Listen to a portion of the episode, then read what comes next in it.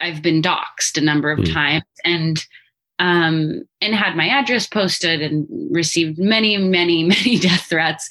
And most of those are, I know, uh, total bullshit, but they're scary. In this episode of The Portrait.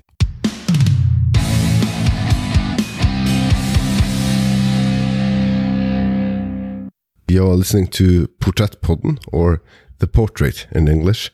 This is the podcast where I interview people who greatly influence and inspire me who makes me think and helps me better understand the world I'm living in. My name is Mats Lassiangos, and together with my guest, poet Olivia Gatwood, will be the voices in your head for the next hour. Olivia grew up in Albuquerque, New Mexico, and a somewhat chance encounter with slam poetry will lead her into a world which has earned her great success and a large, ever growing audience. Olivia has quickly become one of the strongest and most important voices of our generation, and she's a role model to many around the world, myself included. That's why it was a great honor that Olivia and I were able to sit down towards the end of last year to have a chat about poetry, feminism, cancel culture, being open and fearless on social media, what it's like being a young woman and poet in our time, and much more. If this conversation is able to give you the inspiration to go out and achieve your goals, then nothing would make me happier. And if you like the episode and want the portrait to keep bringing you stories like Olivia's, then why don't you consider becoming a patron of Porträttpodden? For $10 a month, you can make your own wish list of future guests. You get early access to future episodes, have your question asked in an episode, and if you wish to take it one step further, you'll even get the video interview that this episode is based on, and a few other goodies. Please take a look. The link is in the description of this episode. Without any further ado, here is Olivia Gatwood. If a story touches you, it will stay with you, haunting the places in your mind that you rarely ever visit. And I can't think of any other uh, or any better way to introduce my next guest. Uh, one of the most powerful and inspirational poetic voices of our generation, Olivia Gatwood. How are you? Good, thank you. Wow, I'm doing much better after after that. good, good. and uh, we we started this on, on the on the right foot at least. Yeah. Yeah. Mm-hmm. Uh, here's hoping you feel the same way when you when we're done. Yeah. um, I suppose um, many of you might uh, uh, might already know who you are, uh, but just give, give a, a, quick background. You're uh, a young poet from uh, from America. Uh, grew up in New in Albuquerque, New Mexico. Mm-hmm, mm-hmm. Uh, you've written uh, poetry collections New American Best Friend and Life of the Party, and your novel Whoever You Are, Honey, uh, is set to be uh, released this year. Start off how how does a poet uh, cope during a pandemic without losing her mind? um, you know, I think that I sometimes struggle talking about the hard parts of the pandemic because the first part of it for me was I was really privileged to be in um, a job with, that sort of lent itself to solitude. I had been living alone in a small town um, and was already kind of spending my days alone writing and and taking breaks to surf and um, garden and i just had a really um, solitary life that mostly existed either within the confines of my home or in the outdoors. And so when the pandemic happened, it was, you know, jarring and and scary and um, and anxiety inducing in many ways. Mm-hmm. But for my own, because I was, you know, worried about my family and I was worried about my friends. But for the most part, my personal life was actually sort of flourishing which is like um, i i think that maybe you could say i was losing my mind a little bit by myself in my house but it felt really exciting and and like a really productive time to create because i had all this time to just mm-hmm. be in my own head and work and think. And so you know i think i've talked to a few writers during the pandemic who felt like it was sort of the perfect job to have. Mm. You know, it's like, oh, okay, if you're in an environment that's safe and and um, you have you know a home that feels good, it's like, and you have your health, like it is actually quite nice. You know, um, so yeah, so I didn't I didn't lose my mind in a bad way. I guess I'll yep. say that. um, one way of, of, of dealing with uh, uh, lockdown and, and solitude, I suppose, is uh, spending your time uh, reading and listening to uh, true crime. Mm-hmm. Uh, how how does what's your mentality like? How's your your mental health like after sitting alone in the dark, all alone, listening to horrible stories? you know, after I wrote Life of the Party, I actually pretty much stopped listening to true crime for the most part, uh, kind of unintentionally. It was sort of like I'd gotten it out of my system from writing that book. But I also, when I was living alone, um, was really diligent about what I consumed because it affects me so much. And so I think that um, it's actually not fun to be scared when you live alone because um, it it's not like you're sitting with your roommates, you know, jumping mm. at every sound or whatever, it actually feels really um, disorienting to be yeah. so uncomfortable in your own space. And so I didn't listen to or watch a lot of true crime after I wrote Life of the Party, um, in part because it did really affect my mental health and it. Yeah it really affected i mean while i was writing life of the party i was in a pretty low place and and i think i needed to write it in order to mm-hmm. crawl out of that place. But i also think once i wrote it i was like huh, I, I don't really identify with this book anymore you know? So it was this strength. I think that's the process, though, of putting something out into the world. Life of the Party is Olivia's second collection of poetry, and through those poems, Olivia uses her razor sharp pen and wit to put front and center, as one reviewer describes it, the violence, trauma, and abuse that women and their bodies are put through by boys and men, as well as how our culture romanticizes violence against women, and how race often plays a part in how the media covers that violence. It's a gut punch and a wake up call by a young poet who doesn't shy away from putting into words what we're all thinking, but don't wish to talk about. Dab your eye, we know you like it gory. Only the blondes get a cover story. Girls go missing right around the corner, but she needs a tiara for us to mourn her. Naturally attractive, exceptionally bright. How many ways can we say the word white? Of course, t- touch more on that during the course of this uh, this episode. But, uh, uh, going back to you, you grew up in in Albuquerque. Uh, for one who's never been outside of Europe, and when I, I have a poet on, I might as well ask: uh, Could you describe that town as a character? Hmm. Yes, probably. Let's think. As a character. Um, when I think of Albuquerque, I always think of my mother once said uh, in Albuquerque they wear jeans to the opera, and it's like I guess that sort of feels really accurate. First of all, there is no opera in Albuquerque, but there, um, but if there were, people would wear jeans to it. It's hmm. such a, it's such a humble city. Um, both by choice and also by circumstance. Hmm. So it feels very much like a character from Albuquerque would be a person who um, I think is both in a, a socioeconomic place where flaunting or being heavily decorated isn't a part of their isn't in their sort of ability but mm. also that they don't have the desire to be that either it doesn't feel like a person from Albuquerque is very aspirational. And I mean that in a good way. I mm-hmm. mean, like, it doesn't feel like there's this chasing of wealth or status. Um, I think that the people in Albuquerque very much reflect the environment in that it's isolated and at times feels really desolate and mm. feels really empty, um, but is also like extremely abundant uh, geographically and. Mm. Um, you know the desert is this place that people associate with abandon but also with like kind of mind-blowing landscapes and so uh, I find the people from Albuquerque, including myself, um, exhibit that in their Mhm. personhood.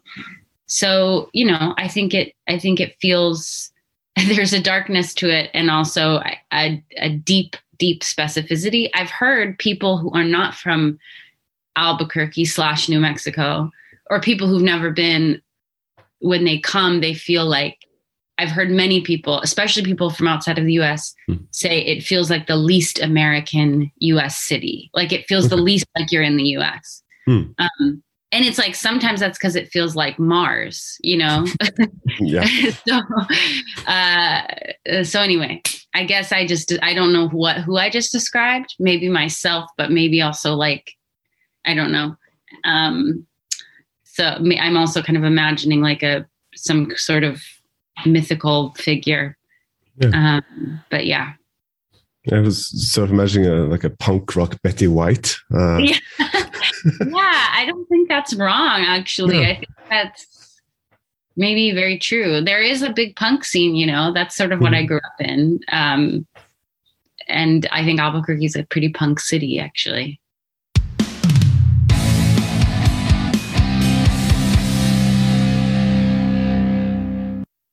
So how, how does uh, uh, what similarities are there between uh, that character of, of Albuquerque and Olivia Gatwood? Um, I think that I have a darkness inside of me. I think that, and I think Albuquerque, growing up in Albuquerque, is a big part of that. Um, when you grow up in Albuquerque, you, because of the nature of the sort of systematic violences that affect the city, I think it's a really common experience in Albuquerque to lose people at a young age. And so I've lost a lot of people, and I think I've witnessed a lot of violence and endured an, um, a certain amount of violence. And so I think there's that. And then I also think I feel really in tune with the natural world Hmm. um, by nature. I just do. And it doesn't, I don't always live in environments that are, you know, I live in LA right now. I lived in New York for five years. And so I don't always live in that. But when I'm in it, I think I do feel most like myself. Mhm. I um I think that there is a way that I'm maybe more I, I'm more aspirational with regards to status Hmm. than some of the people I love in Albuquerque, like my parents, but I think there is a part of me that will always remain fairly, you know, I, I'm just thinking about the fact that I've been like trying to like buy nightstands for my bed and like first of all the whole thing of buying two identical nightstands that go on either side of your bed is like kind of a foreign concept to me because i like grew up in a house where like mattresses were on the floor sort of thing Mm. and so doing that alone is already out of character but i keep just coming back to being like why would I buy nightstands when I can just go to Home Depot and get onion crates and like put those next to my bed? It's like the same thing as these 250. Anyway, that's very, I think that's very I have the money to buy nightstands, but I just, it's like the part of me that grew up in this town where everything is like sort of homemade. I just am like, why would I do that? Mhm. So, yeah. Yeah. Just because you got money doesn't mean you have to spend it. Yeah, exactly. And especially not on something like fucking nightstands. No. Yeah. Uh, yeah, and just as I said, I forgot to mention before we started recording, you swear as much as you like. Okay, cool, cool, cool. Thank you. the reason I uh, wanted you to, to, to describe it is that uh, I feel there is this sort of um, uh, light-hearted darkness in your in your in your writing. Is that you you touch on these uh, really serious uh, and important topics, but we do it in such a way that that every everyone has sort of a, like a gateway drug, you have their own entrance into it, like uh, uh, sexual assault or, the patriarchy or, or white middle-aged men in general, or um, being a, a young woman in America in the 21st century. That's um, well, you, you spin it in, in such a way that uh, it's not daunting. You you you you you're able to grasp it as a reader, but you're not uh, scared away by the magnitude of it. Mm, that's so kind of you to say. I really appreciate that. I think that um, I I feel like it's really important for me for me to have accessible work, and I Mhm. and I think that doesn't mean it doesn't have. I don't think that means it's not smart work. I think that it means that it's forgiving, maybe, and and empathetic. I don't even think that.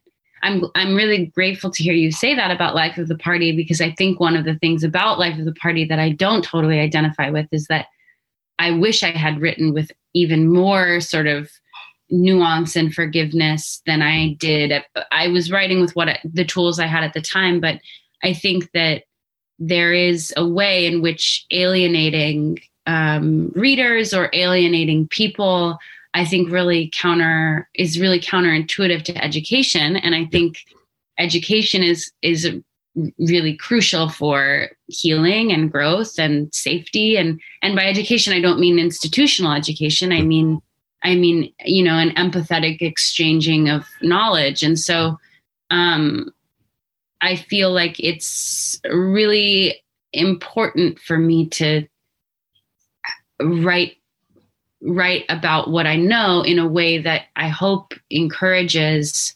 conversation more than it you know halts it Mhm. I also feel like the topics uh, well, well, like true crime or, or delving deeper in- into into sexual assault and and domestic abuse and, and, and stuff that most people might not want to talk about. But if, if you do it in a in a sort of poetic way, if you, if you spin it in, in, in such a way that uh, uh, you're able to identify with the story and the characters, you're not necessarily let's talk politics, guys. Mhm. Yeah.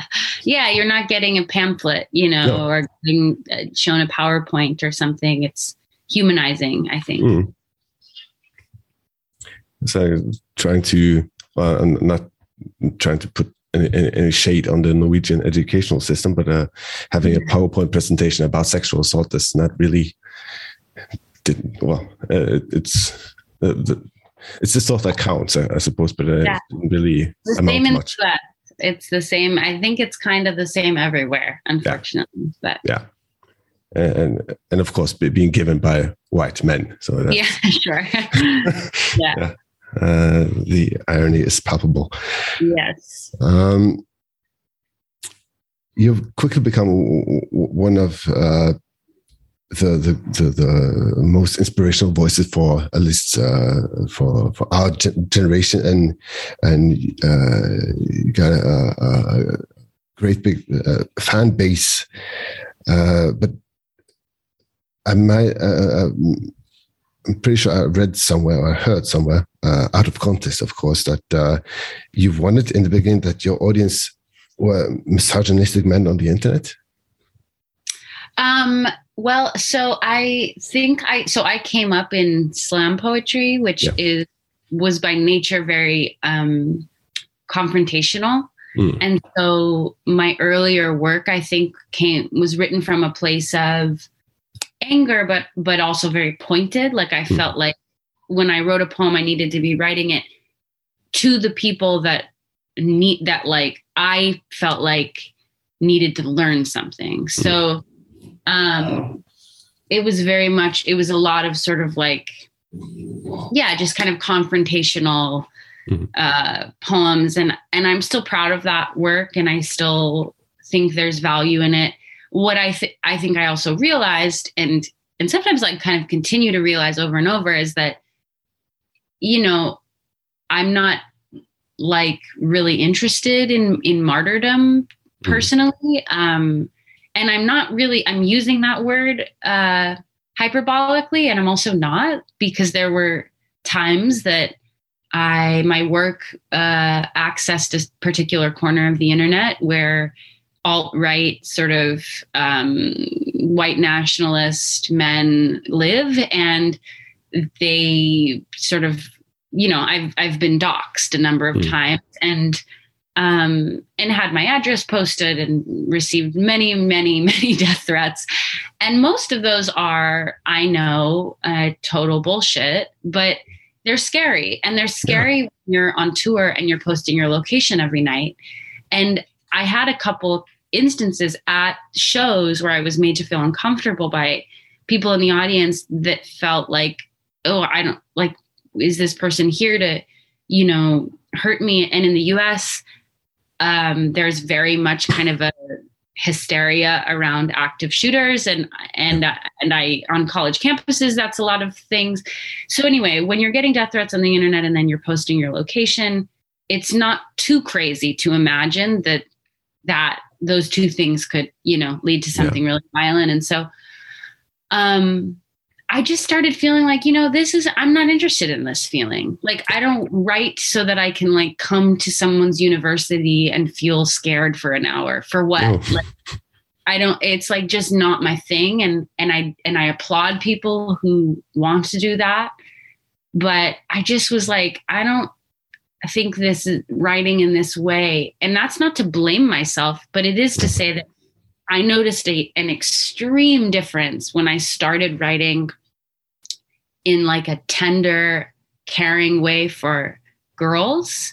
Mm. It was like, it just like my work didn't even access these like guys. Like, no. so it, you know, um, and so it just like my life became a more joyful place after that. Yeah you know i'm not sure that i'm teaching anyone anything if i'm just like getting doxxed no. you know? uh, so i i think that it yeah i think i i just i think i was i spent my earlier time writing for you know the men who needed to hear it and i was like oh those men will kill you so yeah. no, thank you. I'm good. Yeah. Like yeah. I'm out. they, they won't won't listen anyway. So yeah. So it's like, uh, yeah. So I just sort of stopped being interested in that. Yeah. It's crazy how when death threats cease, your quality of life uh, goes up. Yes, I know. What a, what a I would have never assumed those no. two things would have would have any no. would have any effect on each other. No. we, we uncovered the, the great truths here in, in this podcast. um, like I say, you, you become a, a, a, an important voice to to many uh, young girls um, over the years, and and sort of become like a, a surrogate big sister uh, someone who, who, who, sort of not, not watches over them. That sounds a bit creepy, but uh, takes care of them from uh, from the, the, pages of, of the book or on stage. Um, but uh, it's, it's, it wasn't always a given that you would turn to uh, poetry because you were into soccer in high school. Yeah. Uh huh. Yeah. I do call it. You call it football. And where Norway. are you? Norway. Norway. Yeah. Norway sorry. Um, I guess they call it football literally everywhere but the yeah. US. Uh, because they mostly use the foot. Yes, because that that also you know makes sense. Um, yeah. and you know, I went to, I spent a portion, a good portion of primary school in the Caribbean in Trinidad, and mm. so spent a lot of my childhood calling it football, and have sort of had to go back and forth. But um, yes, I played for many years, um, over a decade, and uh, sort of had it. My life revolved around it, and and it was, you know, really fulfilling for a while, and then wasn't, and um, and I miss the game. I don't really miss the. I don't miss the politics inside of the game. No. Um, but I do miss the game. So yeah, it was, a, I think it actually lent itself to when I went into slam poetry, it was competitive and strategic and, um, which now feels so silly to think of poetry as competitive and strategic. Actually, it feels kind of like really, uh, like morose to me, but at the time I really understood that language. So mm-hmm. It was actually a, a kind of a nice transition. Yeah.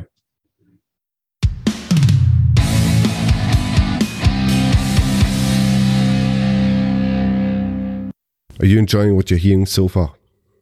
If you choose to become a supporter of The Portrait on Patreon, then for as little as $10 a month, you get this and any future episode 24 hours before everyone else. You'll also be able to get your question asked and much more. Check it out. Link is in the description of this episode. Thank you for listening. And now, back to Olivia Gatwood. Looking beyond the misogynistic men on, on, on the internet and, and uh, delving, uh, focusing more on, on the, the nice audience you have uh, these days. Uh, uh, like I said, you, you're, you're uh, an important voice to, to many young young girls out there. Um, are, are, you comfortable being labeled a role model? Um, yeah, I am. I feel like the audience I have, I'm really lucky to have such a kind audience. I mm. I really have such a kind readership, and um, there are t- there are times when I think, uh, as my perspectives on the world have changed. I've also at times felt at odds with parts of my readership, not mm. obviously all of them, but um, yeah. Specifically around abolition and and how to mitigate being both a woman that advocates for you know safety and and accountability and and and like you know uh, wants to fight against sexual violence mm. while also being a person that does not want to advocate for prison. Yeah. Um, and those two things I think feel very opposite to a lot of people. And so as my opinions and perspectives on that have have changed, my I've found at times that parts of my readership I think feel sort of let down by that.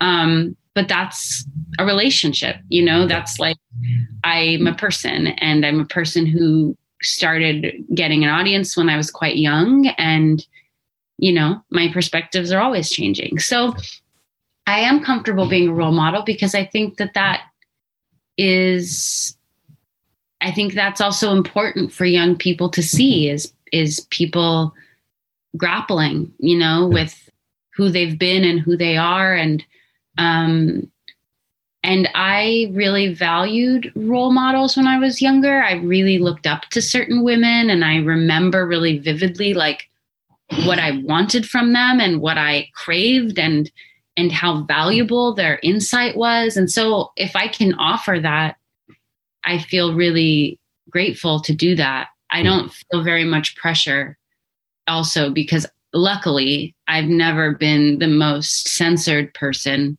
so I'm not struggling with the like Disney star, child star becoming sexual hmm. pipeline. I've sort of always been uh, fairly, you know, PG 13. But mm. um, yeah, I think I feel good. I think I feel good about being a role model.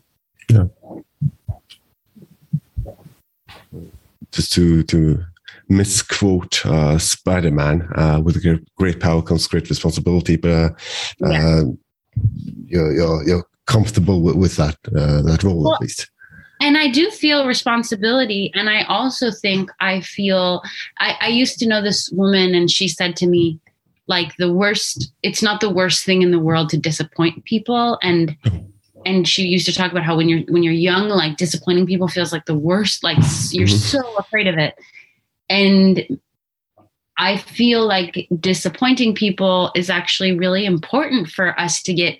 Being disappointed is really mm important for people because it's like that doesn't need to be synonymous with hatred or disposal or um, a lack of like responsibility from from the person who disappointed disappointed you. So I know sometimes the pressure of being a role model can feel like, oh, I need to be perfect, but I actually think presenting yourself as perfect or like in any way politically physically emotionally is actually really detrimental for the people that are looking up to you yeah. um, and alienating so mm. i don't feel that pressure because i just refuse to feel it yeah yeah so i'm not trying to put words in your mouth but uh, would you say you you don't feel pressured to be a manic pixie dream girl yeah, no, I have though um, in the past, mostly from lovers, not hmm. from mm. my readership.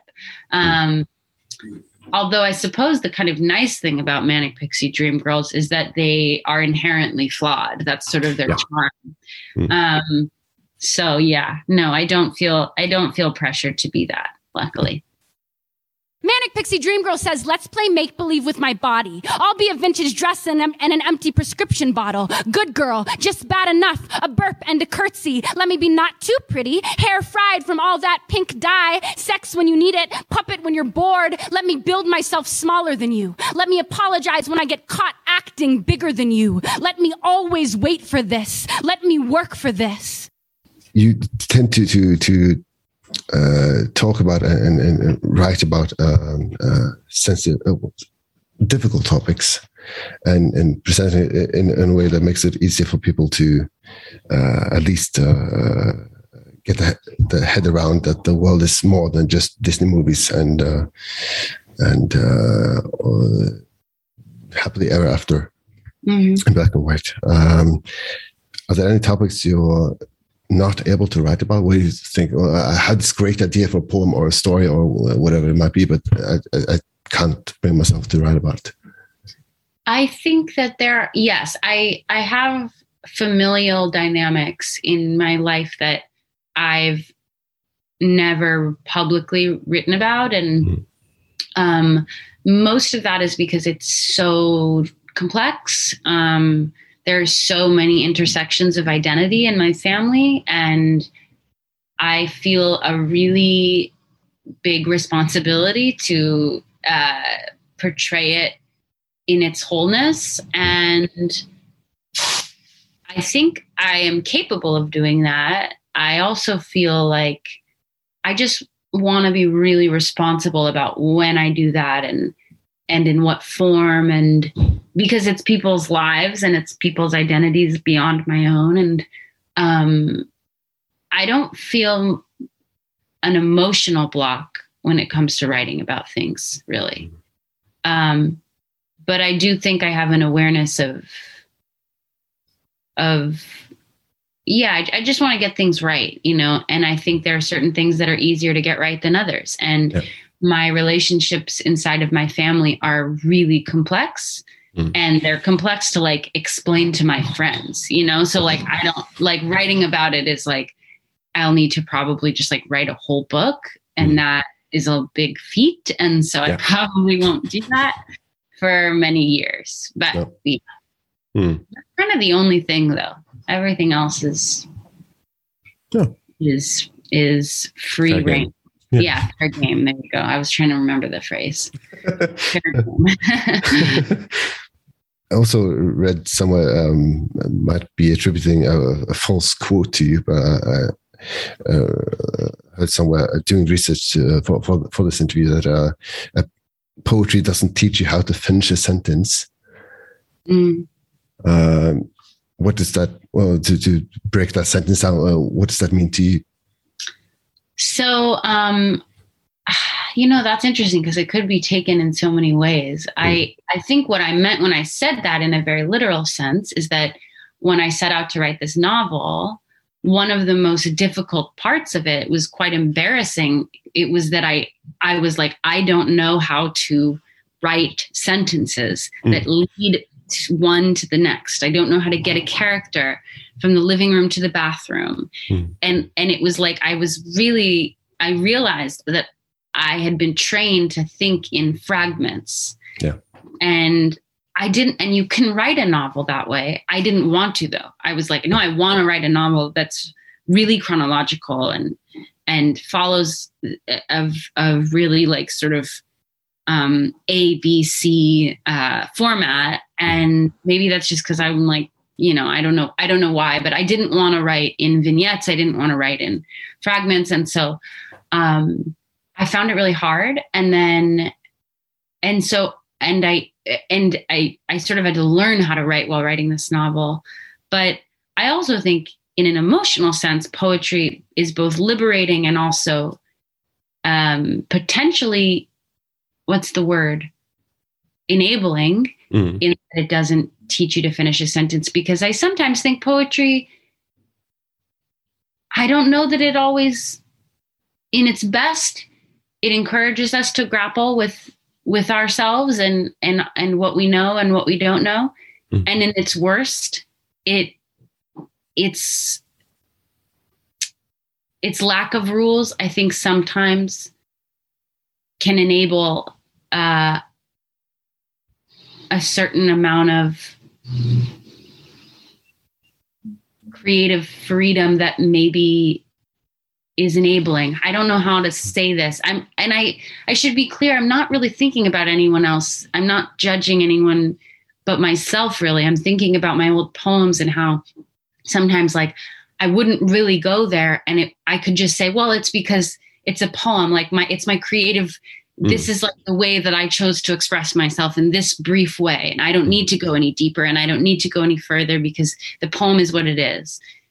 And it's not to say you can't do that in fiction or essays. Of course you can. Writers are some of the most manipulative people. But I guess there's a way that I started to feel like poetry wasn't challenging me to to really ch- challenge myself anymore. Mm-hmm. Um, and I love poetry so much, but I think that is one side of it that if we're not careful, can maybe lead to a sense of self righteousness. I don't know. I'm, I'm like, am I going to get canceled for saying this? Uh, I don't want. I don't. I don't know. But I guess, yeah. I, I think that I've been kind of at odds with my poetry. Yeah. Yeah just to touch on that, just to uh, dig a very very shallow uh, rabbit hole here. Uh, uh, what what are your thoughts on on cancel culture and and at least we'll uh, use an example, the J.K. Rowling. Sure. Very famous author uh, had has gotten in some some rough weather the last couple of years. Sure. Yeah, I have so many thoughts on cancel culture. Mm. I could literally write a dissertation on it at this point. Um, Please do. I think I'll I'll keep it sort of brief. I struggle with that phrase because in the US at least it's so associated with the right wing that it's like it's one of those things that if you start to like talk about it, you're like criticizing cancel culture. And then like the person in the room is like, yeah, cancel culture is terrible, free speech. And you're like, wait, that's not what I meant, no. sort of thing. Um, so I've I've taken to renaming it uh, in just like disposability politics and moral perfectionism is what mm-hmm. I've been calling it because th- that's what about it I feel really critical of. Um, I, to be honest, have not followed the J.K. Rowling thing that closely. It it sounds to me like she has stood fairly like firm in her beliefs. And mm-hmm. it sounds like people are rightfully critiquing those beliefs and it seems like that's what's sort of happening. Um i guess the part of disposability that i don't agree with i don't i don't really believe jk rowling has been disposed of. It sounds like she has like a fairly firm stance and that's and and platform and there is disagreement on that. And that's it doesn't seem like the same level of shaming that I guess I see sometimes. And I struggle with what disposability and moral perfectionism is doing to our ability to ask questions and grow and come from somewhere that isn't perfect and come from somewhere where we didn't learn everything um, right away and mm. and I struggle with what that does to people's relationship to socializing. I think it's caused a lot of fear mm. and shame. And from what I understand in teaching workshops on uh, sexual assault, fear and shame does nothing for anyone. Mm. And in fact, can often create more violence. And I think that I think we have to really question the ways that we um, respond to wrongdoing. And I think, I don't think that being canceled is the same as going to prison, but I do think it's a valuable analogy to think about how we approach things, approach people as disposable. And we say, you did this thing, and so there's no coming back from that. You're the worst thing you've ever done. It's this is on your sort of track record forever. Mm. Um, if we're all acknowledging that we're growing up in this place that's you know, riddled with white supremacy and misogyny and transphobia and ableism, then we also have to reckon with the fact that many people are are going to reflect those beliefs until they know better. Yeah.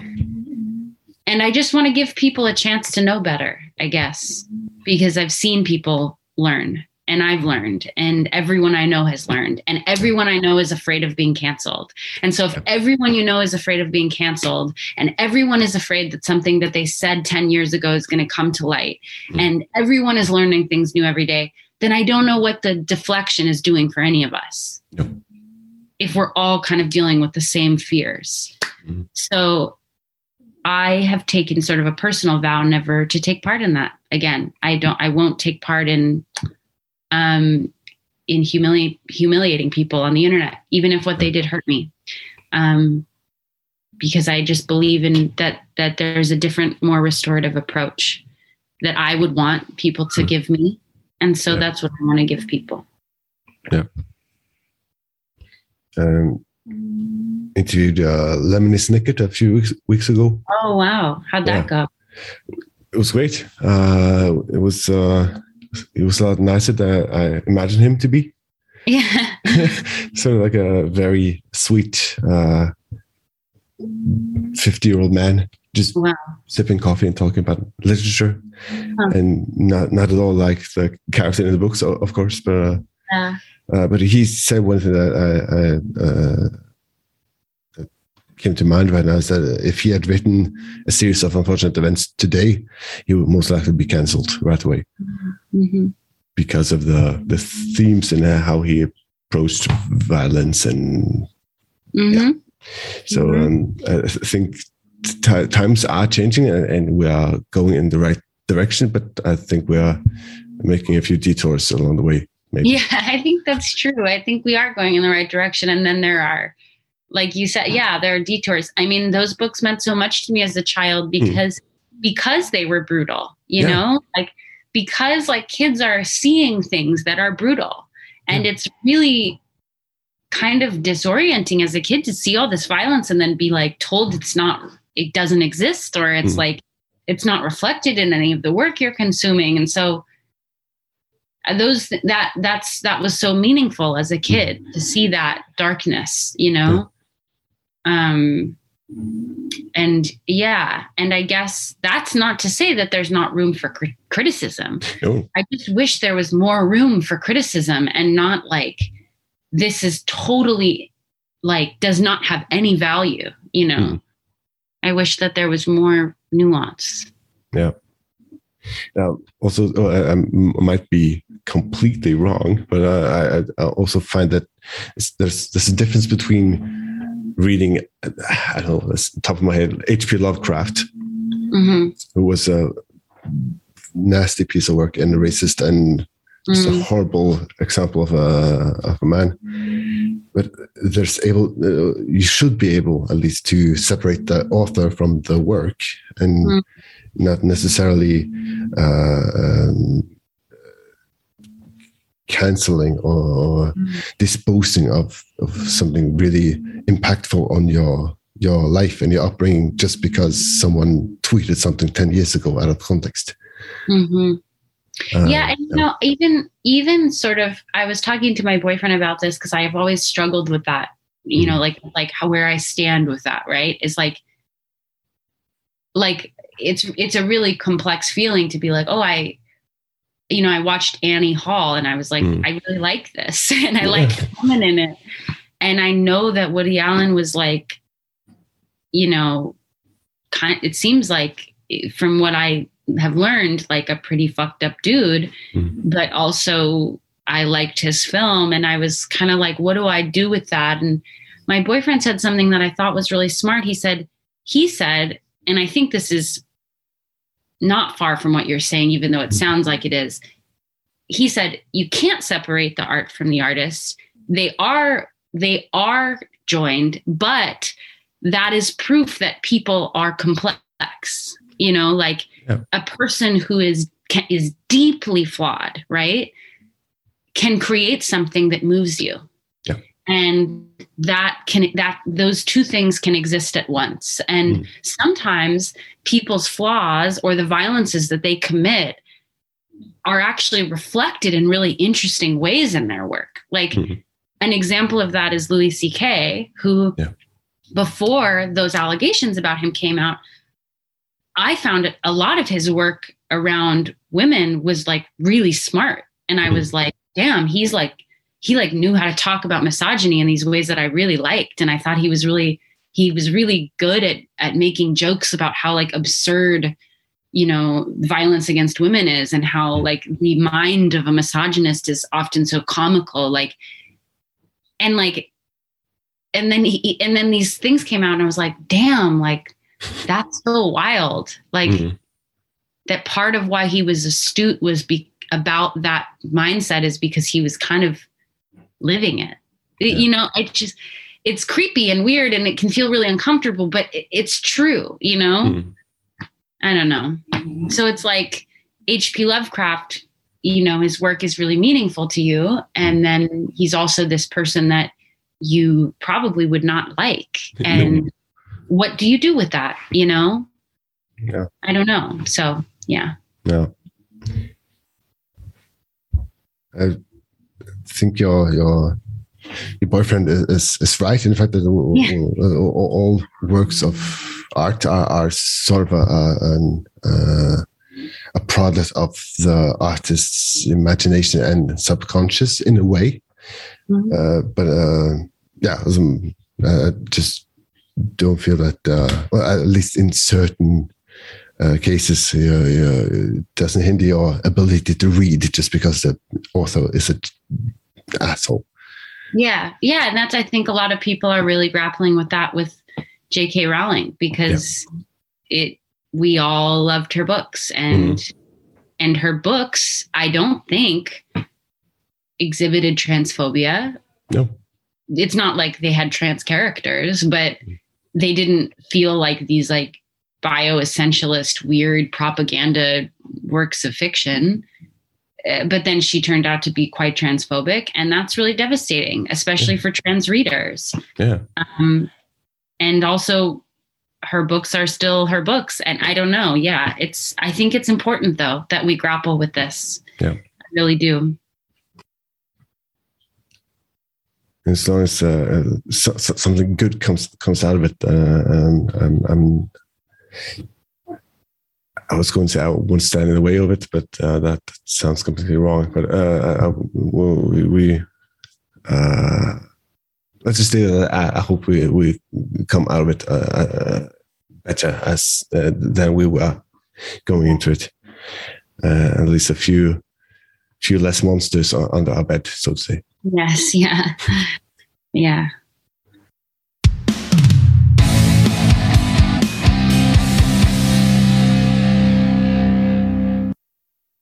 To switch gears a bit, uh, talk about something a bit, bit more uh, pleasant. Um, uh, you, you, you mentioned you had uh, uh, role models uh, that you looked up to uh, when, you, when you were young. Uh, uh, what sort of role models uh, has, has shaped you in your, in your writing? I'll be honest, I think growing up, the biggest role models that I remember were like really random girls in Hmm. my life, like the older camp counselor or these girls that lived at the end of my block Hmm. or, um, you know, my friends' older sisters. And I think I just like really studied the way Hmm. that they existed as girls and women. And I really admired um them in just like for existing sometimes um of course i read a lot as a kid and and i loved uh i loved stories about girls that were seemed curious and brave and um I think you'll get that movie. I loved Harriet the Spy, you know. uh, I loved um I and I love I think I also kind of feverishly read anything my mom told me to read. Like Hmm. I read the Lord of the Ring, the Hobbit and the Lord of the Rings just because my mom told me to. And um I loved thinking of my mom when she was young reading that. Mm. I liked like emulating that. Um, but but now my literary heroes feel like ancestors in these ways. You know, I I when I read I read um, A Room of One's Own by Virginia Woolf in sort of the most original move of a millennial white woman. Yeah. Um, but I am so moved by her her like call to action at that time for something that feels so small but so significant which is just a room Yeah. and that i live alone and that is just such a meaningful text to me. Um, i wrote the foreword for edna st vincent millay's collected poems last Mhm. year and and found so much kinship with her reading about her as a traveling girl poet. Um, so you know i when i read toni morrison i'm so like just fucking impressed by by her, de- her how delicate and gentle she is uh, while tackling like such incredible like profound um like political topics and around you know race and identity and gender and so the fact that she wrote her first book when she was um, not old, but I think old to some of us. Mm. I don't know. Yeah. So now a lot of my literary heroes feel like ancestors or something. Yeah. Great answer. Thank you. I think we're closing in on on running out of time here, but I'll ask a few few more questions in, in, in closing here. That's not to say it, it will be they will be easy to answer, but um, uh, let's find out, shall we?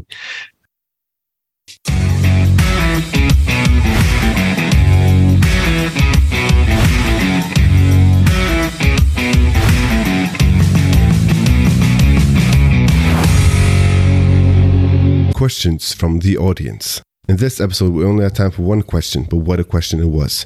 And as you'll hear, it's a topic broad enough and important enough to dedicate an entire episode to. This question comes from Agneta, and she wants to know As a fan of yours, I've noticed that a lot of your work is deeply personal, uh, like my own. Uh, it gives the impression of being based on real experiences, blurring the line between writer and performer.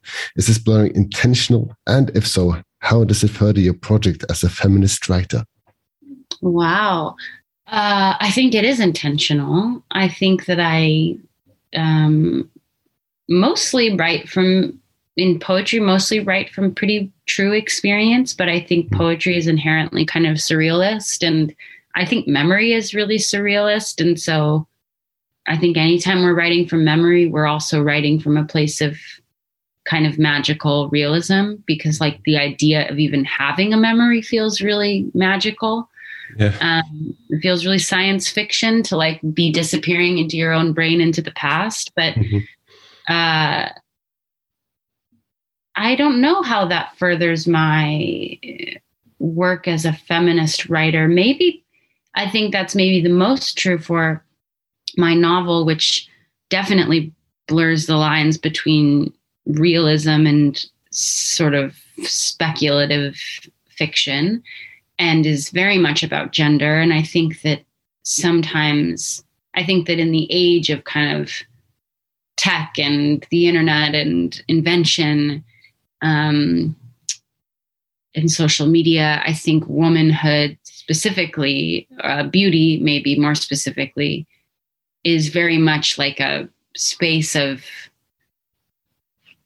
of invention at this Mhm. point. Um, and so I guess my novel really interrogates uh, what it means to to be invented as a woman, and in that way interrogates what it means to be real. You know, um, I don't know if that answers that question. To be honest, that question feels like there is very much a right answer to it, but I have to think about it for a while. uh, but that's the best I can do. Yeah. Uh, also, that's uh, well, just to have that clear, it's a great question. Uh, I also think that that's sort of a question we could spend a whole episode discussing. Yeah. I think so. too. Yeah. Um, just to follow up on that, uh, um, I might not be the correct person to to ask you that uh, ask you this, but uh, do you see yourself as a feminist writer? Yeah, totally. Yeah. Mhm. Yeah. Yeah, I think, and I think it's fine that you asked me that. Um, Hmm. Yeah, I see myself as a feminist writer. I see. Yeah, I, I get, I get the, I get that mindset of like, I'm not a feminist writer. I'm a writer, or Hmm. like, I'm not a, I'm not a woman pilot. I'm a pilot. I get Yeah. that. I totally get it. Um, but I just like like being called that. I like being like called a girl. Um, Yeah. A So- dirty word. my preference. Yeah. Yeah. And well, be- be- being uh, uh, uh, open and, and, and outspoken poet in the age of, of social media uh, uh, was sort of uh, uh, dangerous might be the wrong word to use, but uh, was, what, what what does that entail? And, and uh, uh, is it all roses and sunshine? Being being so open and and like uh, like she asked, the blur and the line between the the, the No. per, per person and the performer. No, it's um I find it I really struggle with it actually. I think that uh social media is progressively becoming like the most evil space for humans to exist inside of. I think I feel like I am prog- I'm also progressively sounding more and more like a like 55 year old man who like lives in a Winnebago in Wyoming, but like this is truly how I feel right now. That's very specific. Uh, yeah. Um, um i think that the yeah i think it's strange i guess i've been posting a lot less on social media and and what i've been finding is part of the reason is that i do think of that as a performance space Mhm. and i don't feel like performing all the time and performance is not synonymous with dishonesty. No. a lot of performance is really genuine and true and i think almost everything i post is true. It's just not it's not the entirety of who I am and and sometimes I don't feel like cherry picking my identity and sort of, you know, putting it on the internet. And so uh and I struggle with with what people are deducing based on what I put on the internet. Um, And that's not out of fear. I mean, in kind of the other way, like I think being a lot of my life is not attractive and so i don't really want to present it that way always but i also don't want to like present my entire life to prove you know i'm a real person like i just sort of would rather not go on it is how Yeah. i feel sometimes Yeah. and sometimes it's a really nice space but for me personally um, consuming it can feel really detrimental Yeah. so i try to be aware of what i give people to consume I don't think that's that's, that's the worst I- idea. yeah Sometimes. Well, Um, I also think that if, if George Orwell were uh, to write uh, uh, 1984 today, he would probably just post it on Facebook. Yeah, that's true. Yeah. Yeah. Um, wrapping up here, um, I want to uh, present you with a with a quote again taken out of context, but not not from you this time. I just want to give you a, uh, get your uh, immediate reaction to it. It's from from Eve Ensler, the the, uh, the writer of the Vagina blogs. Uh, quote: It seems to me that this is tyranny that's not accidental or incidental to make women feel compelled to look like some somebody they're not.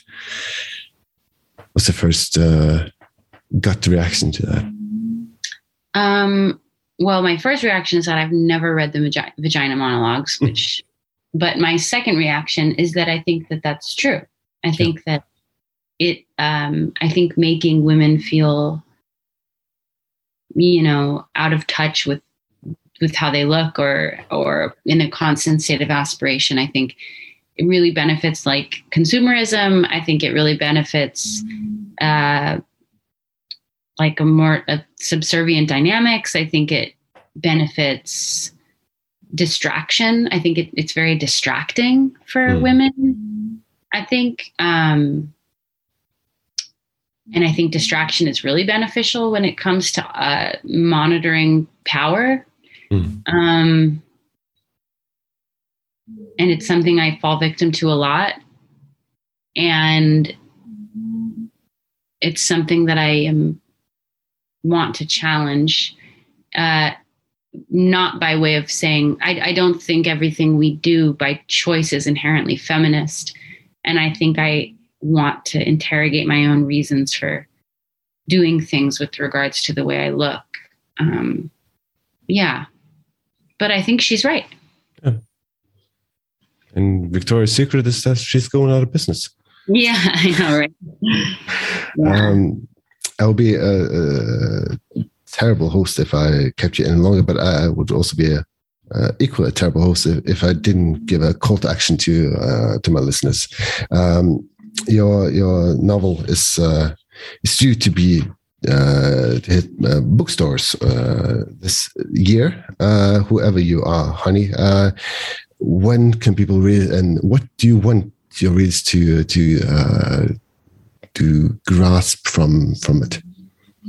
Um, you know, the book actually probably won't be out till 2023 now. I need to kind of okay. announce that. I haven't yet. Uh, turns out it takes a long time to write a book. Yeah. Who knew? Uh, yeah. Uh, but in the event it comes out, which it will, just might be a little longer. Um, I want my readers to, I don't know. I don't think there will be very many surprises. And I say that in a good way. The book is very different from anything I've written, but it's very me. So, um, I don't know. I, I don't, I guess I kind of don't, I kind of want people to just go into it. I don't really want to prepare them. Yeah. Then uh, let's try to to uh, do another recording w- once the novel is out, and we can talk, talk Yes, more about it then. Yes. Um, We've uh, uh, discussed a lot of things during this uh, this episode. Um, not a lot about poetry, but uh, the the woman behind uh, about- the poetry. It's all about poetry. Uh, it's been a huge pleasure uh, spending well my my evening, your morning uh, with, with with you uh, across the across the ocean, and um, uh, yeah, it's, it's been a pleasure having you as a guest finally, and um, uh, thank you so much for for agreeing to do this. Thank you. Thank you so much for having me. You've been listening to an episode of Porträttpodden, or The Portrait, a podcast hosted by me, Mats Lassiangos, and my guest in this episode was poet Olivia Gatwood. All sound clips used in this episode falls under fair use. The portrait works in accordance with the ethical code of practice of the Norwegian press. Feel free to share this episode with a friend or two, and remember you can support the portrait on Patreon.